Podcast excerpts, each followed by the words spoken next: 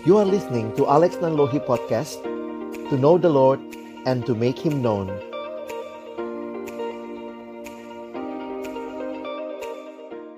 Mari kita sama-sama berdoa sebelum kita membaca merenungkan kebenaran firman Tuhan. Kami datang dalam ucapan syukur siang hari ini. Terima kasih Tuhan waktu yang Tuhan berikan bagi kami untuk bersekutu memuji, memuliakan namamu, dan tiba waktunya bagi kami untuk membuka firmanmu ya Tuhan.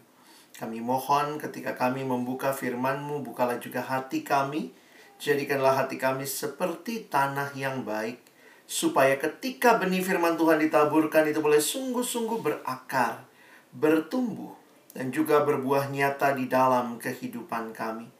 Berkati baik hambamu yang menyampaikan firman, setiap kami yang mendengar firman, Tuhan tolonglah kami semua. Agar kami bukan hanya menjadi pendengar-pendengar firman yang setia, tapi mampukan dengan kuasa pertolongan dari rohmu yang kudus, kami dimampukan menjadi pelaku-pelaku firman-Mu di dalam kehidupan kami. Bersabdalah ya Tuhan, kami anak-anakmu sedia mendengarnya. Di dalam satu nama yang kudus, nama yang berkuasa, nama Tuhan kami Yesus Kristus. Kami menyerahkan pemberitaan firman-Mu. Amin. Shalom, selamat siang Bapak Ibu Saudara yang dikasihi dalam Tuhan Yesus Kristus. Siang hari ini kita bersyukur kesempatan seperti ini biarlah bukan sekadar rutinitas kebiasaan tetapi di dalamnya kita kembali boleh makin mengenal Tuhan dan dibangun dalam iman kepada Tuhan. Dalam uh, serial tentang kekristenan dan tantangan zaman, hari ini saya diminta untuk menyampaikan tentang kekristenan dan gaya hidup. Ya, kita bicara Christianity and lifestyle. Tentu ada banyak hal yang terkait di dalam bagian ini. Saya harap ini menjadi pengantar yang baik untuk Bapak Ibu Saudara terus menggumulkan tema ini di dalam kehidupan kita. Bicara tentang lifestyle di dalam arti kamus yang sederhana, it's the way in which a person or group lives. Jadi bicara tentang bagaimana seseorang itu hidup atau sekelompok orang ya hidup. Nah, ini menarik untuk kita perhatikan bahwa banyak sekali bagian-bagian dalam aplikasi tentang gaya hidup yang waktu saya coba renungkan, iya ya, masalah utamanya bukan hanya di tindakannya. Tetapi nilai apa yang ada di balik tindakan itu. Karena apa yang kita lakukan sebenarnya sadar atau tidak itu lahir dari sesuatu yang saudara dan saya pahami. Jadi, apa yang kita lakukan itu sangat terkait dengan pola pikir pemahaman kita. Nah, pertanyaannya apakah kekristenan membentuk pola pikir Bapak Ibu Saudara sekalian sehingga tindakan-tindakan kita, pilihan-pilihan hidup kita, cara kita dalam menghadapi realita hidup apakah itu sesuai dengan Alkitab atau tidak? Ya sesuai dengan firman Tuhan atau tidak? Yang saya akan uh, jadikan ayat melandasi perenungan kita hari ini dalam Kolose pasal 2 ayat 6 dan 7 Bapak Ibu bisa lihat semua saya sudah tulis di screen ya. Paulus berkata kepada jemaat di Kolose ayat yang ke-6, "Kamu telah menerima Kristus Yesus Tuhan kita. Karena itu, Hendaklah hidupmu tetap di dalam Dia, hendaklah kamu berakar di dalam Dia dan dibangun di atas Dia. Hendaklah kamu bertambah teguh dalam iman yang telah diajarkan kepadamu, dan hendaklah hatimu melimpah dengan syukur. Saudara yang dikasihi Tuhan, perhatikan bagaimana Paulus memberikan nasihat ini bagi jemaat yang baru, ya, jemaat yang sudah mengenal Tuhan.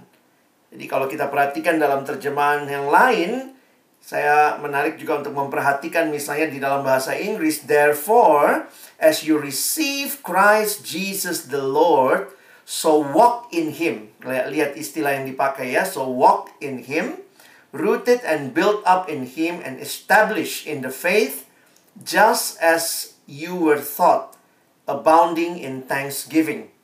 Nah, kalau Bapak Ibu Saudara memperhatikan di dalam terjemahan bahasa Indonesia sehari-hari, saya melihat ada hal yang menarik karena kalimat ayat 6 secara khusus ya. Saudara-saudara sudah menerima Kristus Yesus sebagai Tuhan. Tapi tidak berhenti di situ. Sebab itu, hendaklah kalian hidup bersatu dengan Dia. Ya. Nah, ini menarik kalau kita lihat ya, bagaimana kalau hari ini kita bicara lifestyle, kita bicara gaya hidup. Saya pikir ini the reason for Christians lifestyle. Ini ayat yang keenam ya. Dalam berbagai terjemahan kalau Bapak Ibu perhatikan bahwa kamu telah menerima Kristus Yesus Tuhan kita. Saudara-saudara sudah menerima Kristus Yesus sebagai Tuhan. As you receive Christ Jesus the Lord, jadi sebenarnya kehidupan Kristiani kita bukanlah selesai dengan terima Yesus. Bukannya selesai dengan mengenal Yesus, tetapi itu adalah permulaan. Karena kamu telah menerima Kristus Yesus Tuhan kita, karena itu, jadi ada next stepnya. Tapi ini dimulai dengan hidup yang pertama-tama menerima Yesus Kristus sebagai Tuhan dan Juru Selamat kita. Kita bicara lifestyle yang di dalamnya didasari pada relasi dengan Tuhan. Christianity is not only about religion, but Christianity is relationship with Jesus. Kekristenan adalah relasi dengan Yesus. Dan siapa Yesus buat kita? Menarik sekali dua istilah ini, Yesus sebagai Tuhan dan Juru Selamat. Di dalam penjelasan, saya coba berikan pemahaman begini. Saudara, kita tidak bisa hanya menerima Yesus hanya sebagai Juru Selamat.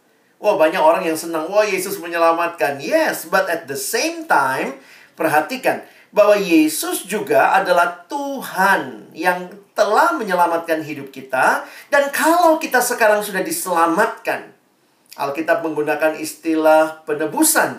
Kamu sudah ditebus, harganya sudah lunas dibayar. Karena itu serahkan diri. Kita bukan lagi menjadi tuan atas hidup kita. Tapi dia, Yesus yang harusnya menjadi Tuhan yang mengontrol seluruh hidup kita. We live under the authority of the Lordship of Jesus. Saudara yang dikasihi Tuhan, terima Yesus tidak mungkin kita hanya mau menerima dia sebagai juru selamat. Tapi kemudian kita mengabdi kepada Tuhan yang lain. At the same time, if Jesus is our Savior, then we must submit our whole life to Him. Jadi menerima Yesus adalah awal hidup yang baru, saudara kehidupan yang di dalamnya kita dipanggil. Nah, sekarang untuk berjalan. Dalam terjemahan literalnya dipakai istilah walk, berjalan. Atau dalam bahasa kita, kita menggunakan istilah hidup.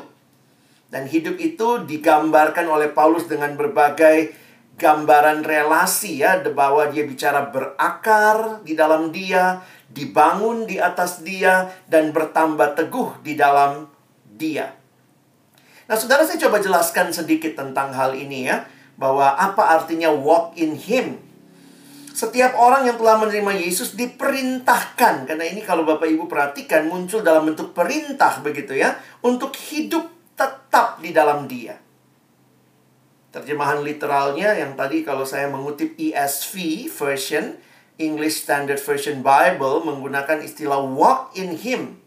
Nah, bagi para pembaca surat Paulus, Frase walk in him adalah bahasa yang biasa digunakan untuk menunjuk kepada tingkah laku hidup Kristen yang konsisten dengan imannya kepada Kristus. Nah, hal ini berarti bahwa percaya pada Yesus tidak dapat dipisahkan dari perilaku hidup kita sehari-hari. At the same time, pengajaran dan tingkah laku seharusnya berjalan bersama-sama. Jadi ini bukan dua hal yang terpisah. Nah, saya pikir jangan menjadi orang Kristen yang dualisme. Do not just be a Sunday Christian. Hari Minggu kita kelihatannya very Christian, but be a Christian every day. Nah, sehingga kalau kita lihat di dalam Kolose pasal 1 ayat 10 sebenarnya ada hal yang menarik kalau Bapak Ibu perhatikan di sini. Dikatakan sehingga hidupmu, nah lihat ya bagaimana kehidupan yang berjalan di dalam Yesus, bagaimana lifestyle yang harusnya kita miliki. Sehingga hidupmu layak di hadapannya serta berkenan kepadanya dalam segala hal. Bukan hanya dalam hal-hal rohani, ya, tapi dalam segala hal. Dan kamu memberi buah dalam segala pekerjaan yang baik dan bertumbuh dalam pengetahuan yang benar tentang Allah. Jadi secara kesimpulan saya berikan kalimat ini. Lifestyle atau gaya hidup kita sebagai orang yang telah menerima Yesus Kristus sebagai Tuhan dan Juru Selamat seharusnya adalah hidup yang layak di hadapannya berkenan kepadanya dalam segala hal, memberi buah dalam segala pekerjaan yang baik, dan bertumbuh dalam pengetahuan yang benar tentang Allah. Dalam pengertian yang sederhana, ini berarti hidup berbeda dengan dunia. Saya tidak langsung masuk kepada practical things-nya, bagaimana orang menghidupi hal Kristiani, tapi saya mulai dengan melihat sebenarnya di balik itu we should have Christian worldview, ya. Mungkin itu cara pandang Kristen itu itu membentuk perilaku loh Bapak Ibu ya. Bayangkan ya, bagaimana pemahaman kita tentang sesuatu, pertanyaannya itu dibentuk oleh apa? Saya banyak melayani mahasiswa dan siswa dan banyak kali sulit gitu ya menjelaskan kepada mereka ketika yang lebih banyak mereka dengar, mereka lihat, mungkin bukan Alkitab. Ya, sekarang misalnya contoh bagaimana menjelaskan love, bagaimana menjelaskan cinta. Ya wajar saja kalau bukan Alkitab, kalau bukan firman Tuhan, kalau bukan Christian worldview yang mendasari, maka mungkin worldview-nya adalah Korean drama worldview. Dan itu bukan cuma ini ya, mungkin Bapak Ibu ya bukan cuma anak remaja, tapi banyak juga ya uh, uh, bapak ibu yang mungkin menonton dan akhirnya mu mungkin itu yang masuk begitu ya.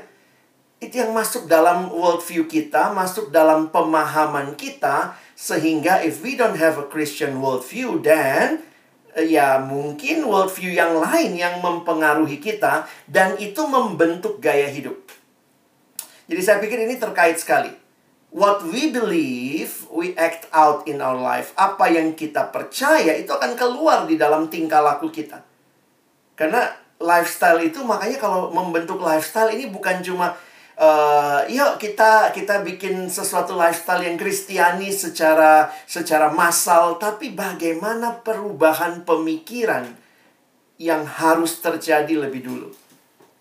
Banyak hal secara praktis nanti Bapak Ibu bisa lihat ya Uh, bagaimana pendapat kita misalnya tentang sukses? What we uh, how we define success?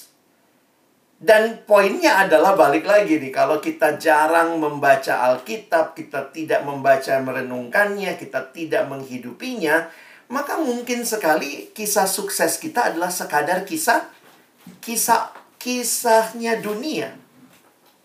Kisah dari apa yang ditawarkan. Saya kuliah S1 bidang komunikasi. Saya belajar juga tentang periklanan dan waktu belajar periklanan itu saudara ya salah satu yang menarik gitu ya. Iklan itu menolong atau bukan menolong ya, membuat orang bisa melihat hal yang mungkin nggak dia terlalu butuhkan tapi dilihat sebagai kebutuhan. Jadi memang ya kadang-kadang kalau dipikir-pikir gitu ya, iya ya, ada hal-hal yang harusnya jelas ini keinginan, ini kebutuhan. Dan banyak kali keinginan yang ditawarkan, yang dibuat begitu rupa, dikemas begitu rupa dalam pesan, ini kebutuhanmu. Dan uh, ini media berperan penting ya, media sangat berperan penting membentuk pola pikir. Sehingga di dalam satu artikel yang saya baca, khususnya untuk orang muda, dia mengatakan bahwa jangan heran ketika kita tidak mendidik generasi ini untuk memahami firman Tuhan, maka media akan memuridkan mereka. Jadi ini banyak hal yang yang terjadi ya, film, musik, uh, bacaan, novel begitu ya. Memang kayak Alkitab kurang pamor gitu ya. Kayaknya lebih indah ya sukses itu digambarkan. Nah, mungkin ini gambar-gambar saja Saudara ya. Apakah ini sukses? Tuhan tentu tidak larang kita punya kendaraan begitu ya, tapi kadang-kadang orang mendefinisikan sukses dari dia punya apa. Uh, apakah ini sukses? Tapi saya udah kunjungi semua daerah ini baru saya sukses, baru saya menjadi diri saya. Dan banyak orang yang mimpinya cuma sekadar jalan-jalan, hidup enak, hidup nyaman begitu ya, kerja dapat uang, uh, live a life dan saya pokoknya bisa nikmati hidup seperti ini. Jadi lifestyle kita itu sangat terkait dengan what we believe. Dan apa yang kita percaya itu tentunya juga kita turunkan lagi di dalam uh, statement-statement ya. Life is uh, misalnya ya kayak uh, thanks God it's Friday. Wah, itu kan ngelotok nih ya. Jumat nih, yes gitu. Terus I don't like Monday. Is that what Christian think about work and life? Karena realitanya menarik ya. Ketika orang bekerja untuk libur, wah itu beda banget pola pemikirannya. Lifestyle-nya akan beda. Capek, capek, capek, capek kerja, Jumatnya, yes, I'm free. Sabtu Minggu, kira-kira gitu ya. Gimana pandangan Kristen?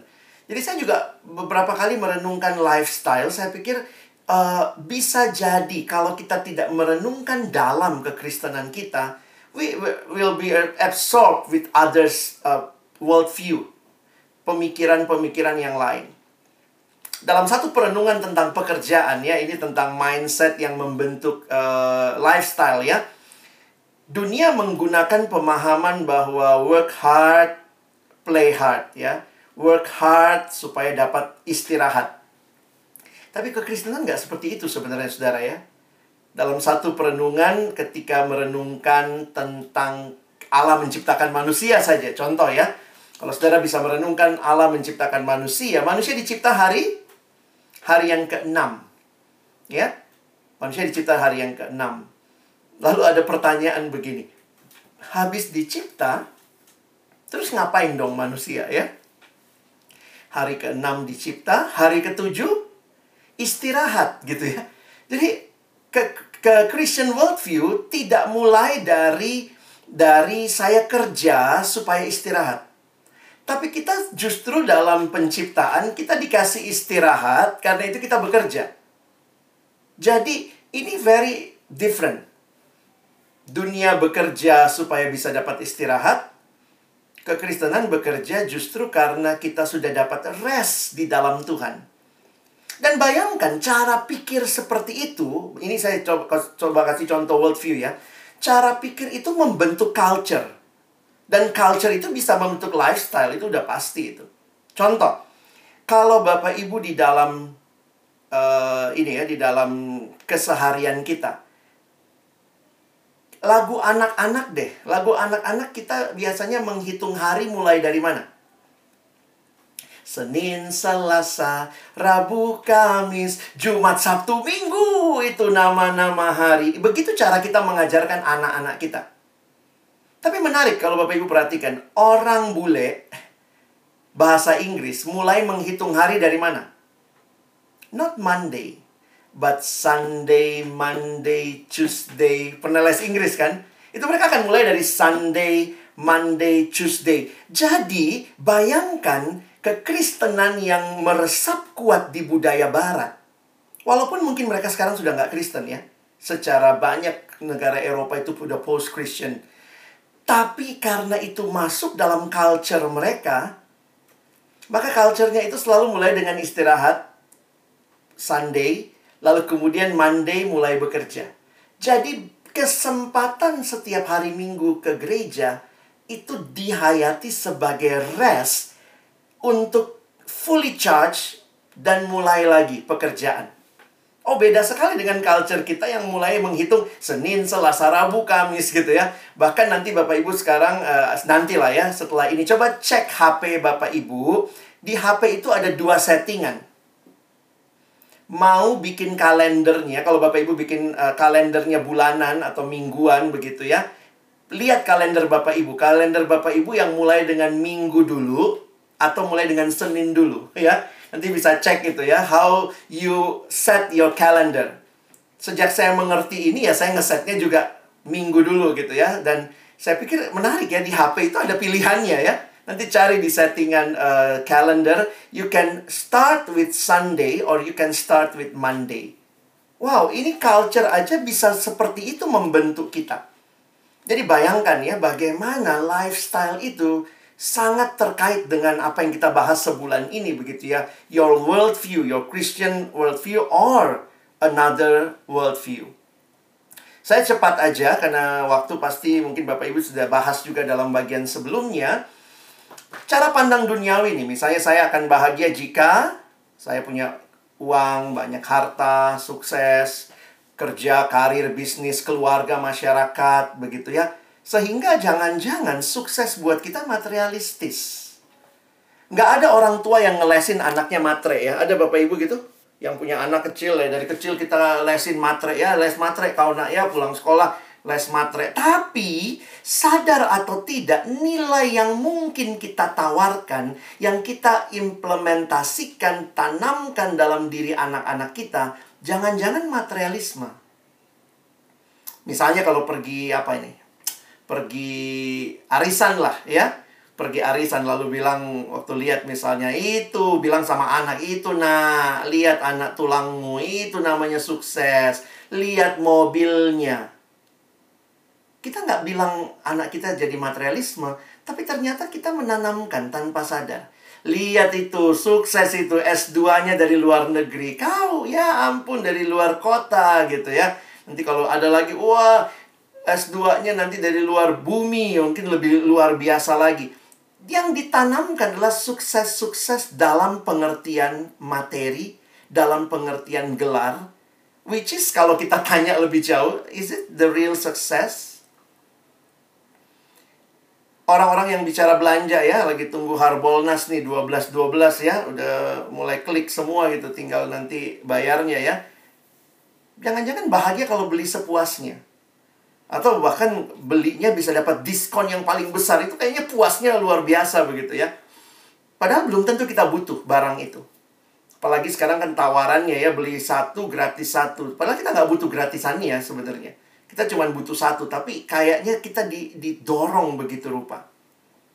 How is your lifestyle? Gimana cara Bapak Ibu belanja? Bagaimana uh, gaya gaya hidup kita, gaya belanja kita? Makan minum sepuas-puasnya, main laki-laki, main perempuan sepuasnya, bersenang-senang, foya-foya, jalan-jalan. Jangan-jangan kalau saya bahagia karena hal ini, itu yang disebut sebagai hedonis. Saya akan bahagia kalau nikah dengan orang yang saya kasihi dan uh, live a life happily ever after. Ini sebenarnya sangat individualis ya. Kalau kita hanya berpikir seperti ini. Kekristenan ternyata waktu kita pelajari, ini kita pelajari dari dari Disney kali ya. It's not really biblical standard, biblical values. Ya. Utopia mendapatkan atau mendapatkan melakukan sesuatu yang saya idamkan. Jadi Bapak Ibu bisa pahami ya, nanti saya pikir uh, Alkitab itu resource book yang luar biasa. Bagaimana memandang uang, memandang harta, jabatan, relasi. Dan ini semua lifestyle apa yang sedang kita bangun ya? Coba lihat di dalam pengkhotbah 5 ayat 9 misalnya. Siapa mencintai uang tidak akan puas dengan uang. Dan siapa mencintai kekayaan tidak akan puas dengan penghasilannya. Ini pun sia-sia. Tentu penulis pengkhotbah tidak menuliskan ini dalam arti tidak butuh uang. Tapi masalahnya yang dia soroti adalah bukan uangnya, tetapi sikap hidup yang cinta uang menjadikan uang segala-galanya. Saya bahagia kalau punya duit dan dia mengatakan nggak akan pernah puas. Bagaimana cara pandang Kristiani? Ya, saya pikir nanti gali lagi di Alkitab. Itu bahagia kalau hidup sesuai dengan kehendak Allah. Mungkin karena kita hidup sesuai kehendak Allah, kita nggak kaya. Karena nggak mau korupsi. Kita nggak nggak akan dapat seperti yang orang lain dapat. Dia udah punya mobil gile baru masuk atau apa. Dia di kerjaannya baru kok bisa begitu rupa kita bukan melihat comparison dengan orang lain. Banyak orang karena hidup taat itu malah menderita, saudara. Saya bukan mengatakan saya pro penderitaan, tapi saya harus katakan bahwa hidup dalam Tuhan tidak selamanya sesuai yang kita mau. Tapi kalau itu adalah kehendak Allah, maka bagi saya kebahagiaan sejati waktu saya hidup di dalam kehendak Allah bukan saya punya banyak uang. Kalau saya punya banyak uang tapi itu bukan ketaatan, malah sebenarnya saya sedang mempermainkan Allah. Saya akan bahagia jika saya bisa membuat orang lain bahagia. Jadi bukan cuma happily ever after buat diri saya. Ya, ini pemahaman uh, yang Alkitab berikan. Nah, ini uh, beberapa hal lagi sebelum kita tutup. Jadi, di dalam Alkitab, kebahagiaan misalnya kalau kita pahami itu bukan tujuan, tapi akibat. Kalau kita bersatu dengan Tuhan sebagai tujuan utama hidup kita, our goal in life is to be more and more like Jesus, to have a eternal communion with Jesus maka kebahagiaan itu akibat karena kita sudah bersatu dengan Tuhan. Jadi hidup yang diberkati karena ketaatan. Kalau kita taat, kemudian kita dapat banyak hal dalam aplikasi ketaatan, puji Tuhan. Seringkali ketaatan bisa juga membawa hasil, tapi tidak selamanya. Kadang-kadang penderitaan. Tapi ada orang yang misalnya begini ya, dia penjudi ulung. Begitu dia berhenti judi, dia bilang, wah, saya kok merasa belakangan tuh makin kaya ya. Ya kan kadang dia nggak pakai duit duitnya buat judi jadi akhirnya ada uang yang dia rasa cukup begitu ya. Jadi memang ketaatan juga membawa berkat. Lebih bahagia memberi daripada menerima. Ini prinsip Alkitab. Jadi pertanyaannya hidup hidup yang sukses itu bukan berapa banyak uang yang saudara punya bukan hanya itu tapi seberapa banyak uang yang saudara berikan untuk juga memberkati orang lain karena saya pikir tidak kebetulan Tuhan berikan uang lebih buat saudara. Kalau ada uang lebih di kantong kita, jangan-jangan ada kantong orang lain yang kosong. Jadi kalau kita menimbun saja, lifestyle kita adalah lebih banyak uh, apa ya maunya buat dirinya sendiri. Bukan berarti nggak boleh untuk diri. Tapi kalau akhirnya cuma untuk diri, nah itu sangat menyedihkan. Dan hanya Tuhan yang dapat memuaskan kita.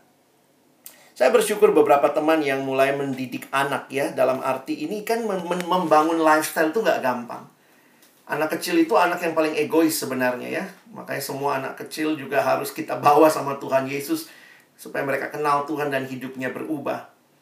Jadi saya ketemu beberapa teman yang ketika anaknya ulang tahun Dia belajar untuk mengajak anaknya berbagi di panti asuhan. Misalnya bikin ulang tahun di panti asuhan Karena kalau tidak dia bilang gini ya Ya itulah dunia ya. Begitu ulang tahun pertanyaannya apa? Apa hadiahnya dong buat saya? Apa dong buat saya? Apa dong buat saya? Selalu untuk saya. Tapi orang Kristen mungkin kita bisa berpikir gitu ya. Bahwa ketika kita dapat sesuatu. Tentu ulang tahun kita bisa kasih anak kita kado. Tapi mari belajar untuk menolong dia berbagi. Karena kalau tidak, kita akan membangun generasi yang sangat egois. Dan kadang-kadang saya lu jadi ini nih ya, apa melihat kayak kondisi krisis pandemi ini kita diajar berbagi ayolah kita berbagi dukung usaha kecil. Kalau dari departemen keuangan ya saya apa kementerian keuangan saya lihat juga misalnya pesan-pesan yang disampaikan oleh uh, ibu menteri itu men menunjukkan mari kita saling membangun saling memperhatikan. Bukankah itu nilai kristiani ya saya kalau ingat ke DJP gitu ya Bapak Ibu ada nilai-nilai yang terpampang di sekitar ruangan Bapak Ibu itu nilai kristiani yang kalau kita hayati, sebenarnya orang Kristen nggak akan sulit melakukan itu. Tapi itu akan sulit kalau kita sudah kehilangan akarnya. Di dalam khotbah di bukit, Yesus memberikan budaya tandingan. Nanti kalau kita pelajari khotbah di bukit, beda sekali. Kamu jangan seperti itu, tapi kamu harus seperti ini. Apa yang diminta untuk kita cari? Carilah dahulu kerajaan Allah dan kebenarannya. Maka semuanya akan ditambahkan kepadamu. Sebagai penutup, bagaimana Bapak Ibu kita bisa berjuang terus punya nilai-nilai yang kristiani? Ya tentu bangun. Bangun Christian lifestyle dalam pemikiran. Kalau kita lihat ya, di sini dikatakan berakar, dibangun, dan seterusnya. Mari miliki relasi pribadi dengan Tuhan. Bacalah kitab suci. Biarlah kitab suci yang memenuhi hati dan pikiran kita. Biarlah kita juga tidak jauhkan diri dari komunitas rohani Gambar ini adalah ilustrasi roda. Dibuat oleh seorang bernama Dawson Trotman dan dia menggambarkan hidup Kristiani seperti roda. Di pusat hidup harus ada Kristus. Karena seperti roda yang putar itu porosnya. Tapi dia katakan harus ada dua jari-jari. Satu yang vertikal menggambarkan hubungan dengan Allah. Satu yang horizontal menggambarkan hubungan dengan sesama. Dengan Allah kita terhubung melalui firman dan doa. Saya bicara sama Tuhan itu berdoa. Tuhan bicara kepada saya lewat firman Tuhan. Makanya dari sekolah minggu kita udah didik ya. Baca kitab suci, doa tiap hari kalau mau tumbuh. Dan vertikal ada yang horizontalnya juga. Relasi dengan sesama, dia bagi dua. Dengan sesama orang percaya, mari kita rajin bersekutu. Persekutuan seperti ini jadi kesempatan kita membangun iman kita tapi bukan hanya ke dalam sesama orang percaya, keluar di tengah-tengah dunia yang belum kenal Yesus. Mari kita bersaksi. Jadi kiranya Bapak Ibu yang rindu terus membangun Christian lifestyle dalam hidup kita, maka jangan tinggalkan relasi dengan Tuhan. Firman Tuhan, doa, persekutuan, pelayanan adalah alat kasih karunia Tuhan untuk kita gunakan dalam membangun Christian lifestyle. Pertanyaannya, sudahkah kita membangun Christian lifestyle dengan semua alat kasih karunia yang Tuhan berikan kepada kita? Kiranya kita terus boleh jadi anak-anak Tuhan yang bukan makin mirip dunia, tapi makin mirip Kristus yang adalah Tuhan dan Juru Selamat kita. Amin. Mari berdoa. Tuhan kami sekali lagi bersyukur untuk firman-Mu. Setiap kali kebenaran demi kebenaran kami pahami, tolong kami. Pada akhirnya bukan cuma jadi pendengar firman, mampukan kami jadi pelaku-pelaku firman-Mu. Kami bukan mirip dengan dunia, kami bukan makin mirip apa yang dunia tawarkan. Tapi biarlah kami makin serupa dengan Kristus teladan kami yang utama. Lifestyle kami, gaya hidup kami membangun kami juga untuk terus memandang kepada Tuhan. Kami rindu, biarlah hidup kami yang cuma satu kali ini. Hidup yang sudah mengenal Tuhan, menjadi hidup yang mempermuliakan Tuhan, bukan hidup yang mempermalukan Tuhan. Tolong kami, sekali lagi bukan cuma jadi pendengar, tapi jadi pelaku firman. Dalam nama Yesus kami berdoa. Amin.